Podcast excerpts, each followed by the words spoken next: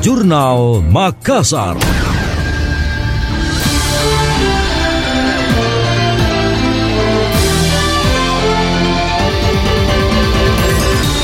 Revitalisasi sistem drainase menjadi bahan penelitian Badan Penelitian dan Pengembangan Daerah Balitbangda Makassar.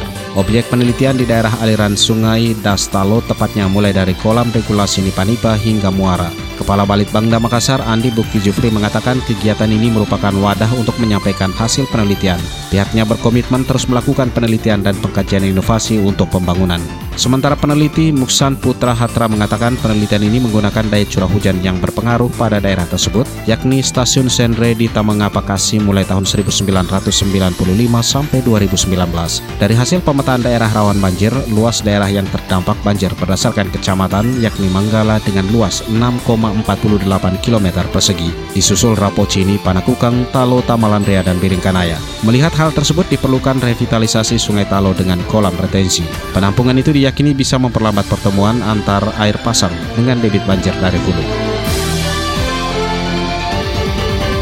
Pemerintah Kota Makassar berencana menghadirkan pasar berjalan yang dinamai Tetere. Rencananya bakal diluncurkan pada hari ulang tahun ke-415 Makassar, yaitu pada 9 November 2022 mendatang.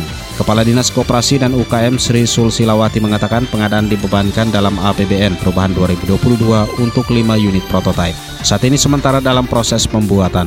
TTR merupakan motor listrik dan menggunakan mesin kendaraan yang sudah bersertifikasi. Pihaknya hanya mendesain sesuai peruntukannya. Rencananya setelah prototipe rampung yang sudah diluncurkan, pengadaan diusulkan kembali di tahun depan. Jumlah Yang diproduksi mencapai 153 unit. Setiap kelurahan akan mendapat satu unit dan selanjutnya akan dibuat kembali sesuai dengan kebutuhan.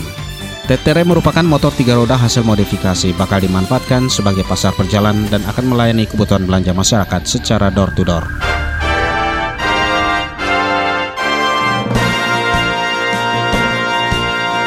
Demikian tadi, Jurnal Makassar.